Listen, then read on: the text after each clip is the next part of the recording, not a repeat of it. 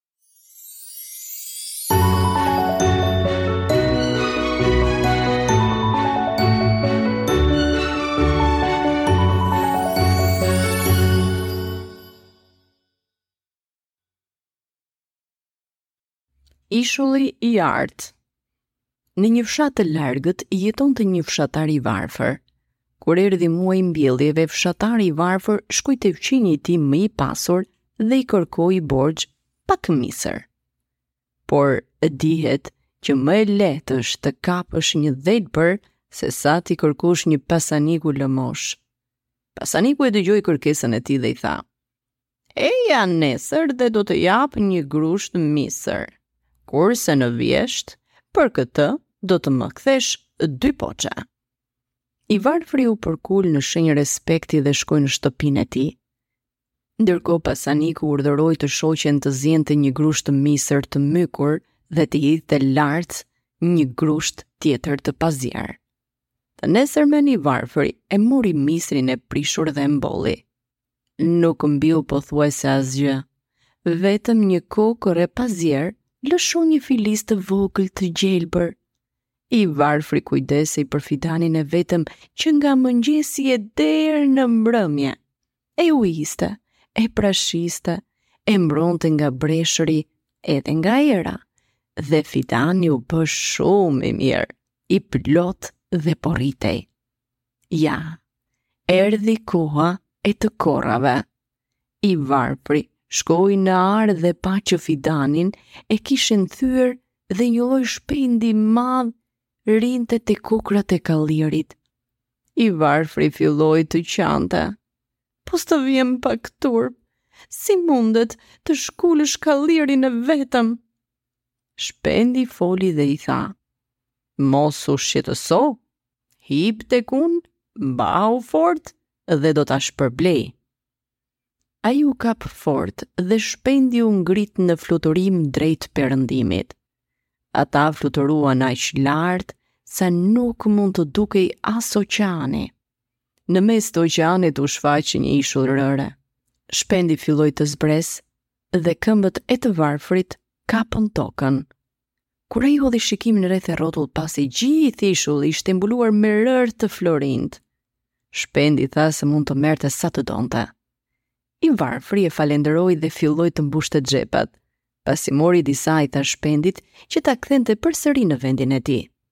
Shpendi u habit se mori pak, Por i varfri tha, Unë tani kem aq flori sa mund t'i jap edhe fshatarëve të tjerë.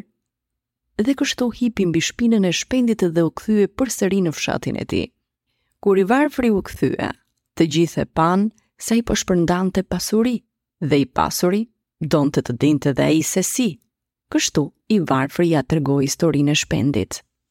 Pasaniku u kthye në shtëpi me një frymë dhe i tha gruas të ziente një grusht misër të mykur dhe të hidhët dhe një grusht të pazier. Grurin e pazier e mori, e mbolli dhe nga toka mbiu një fidan i vogël i gjelbër. Fidanit iu rrit shpejt dhe në fund lëshoi kalli. Pasaniku lidhi dy thasë me litar dhe u nis për në fushë. Dhe pastaj ndodhi ashtu si tregoi i varfri.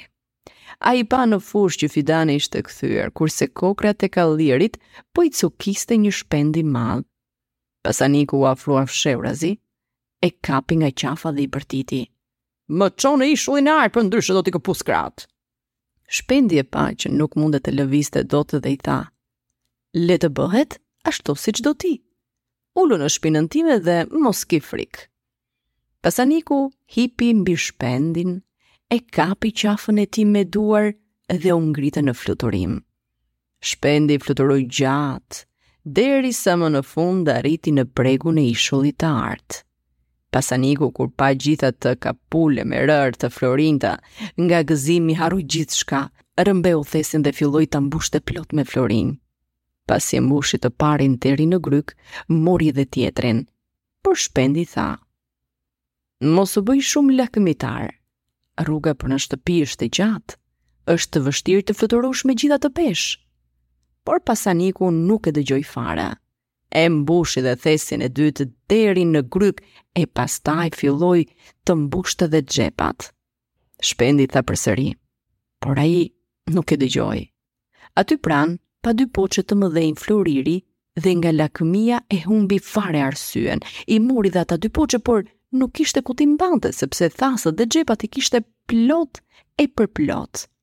Kështu, mori litarin dhe i lidhi të dyja në qafë, sepse nuk donte t'i linte aty. Shpendi foli për të tretën herë. Mos u bëj shumë lakmitar. Kush kërkon të marrë copën e madhe pa e merituar ai humbet dhe të voglën. Pasaniku u ul mbi shpendin dhe e shtrëngoi fort me këmbët që të mos binte, sepse duart i kishte të zëna, në njërën dorë mbante një thes dhe në dorën tjetër kishte thesin tjetër. Shpendi rrahu krahët dhe u ngjit në ajër. Pasaniku shikonte poshtë valët e shkumzuar të oqeanit dhe nga frika shtrëngonte shpendin sa më fort.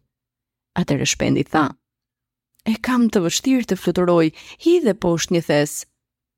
S'ka gjë, bërtiti pasaniku, fluturo sa më shpejt. Shpendi rrahu krahët dhe disa herë dhe pastaj iu lut përsëri, por pasaniku ia ktheu. Ti je i çmendur, krijesë budalaqe, fluturo më shpejt se nuk ka ngelur shumë rrugë.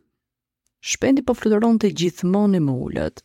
Pesha e rëndë e florinjve nuk e lejonte të ngjitej më lart dhe kështu ranë të dy.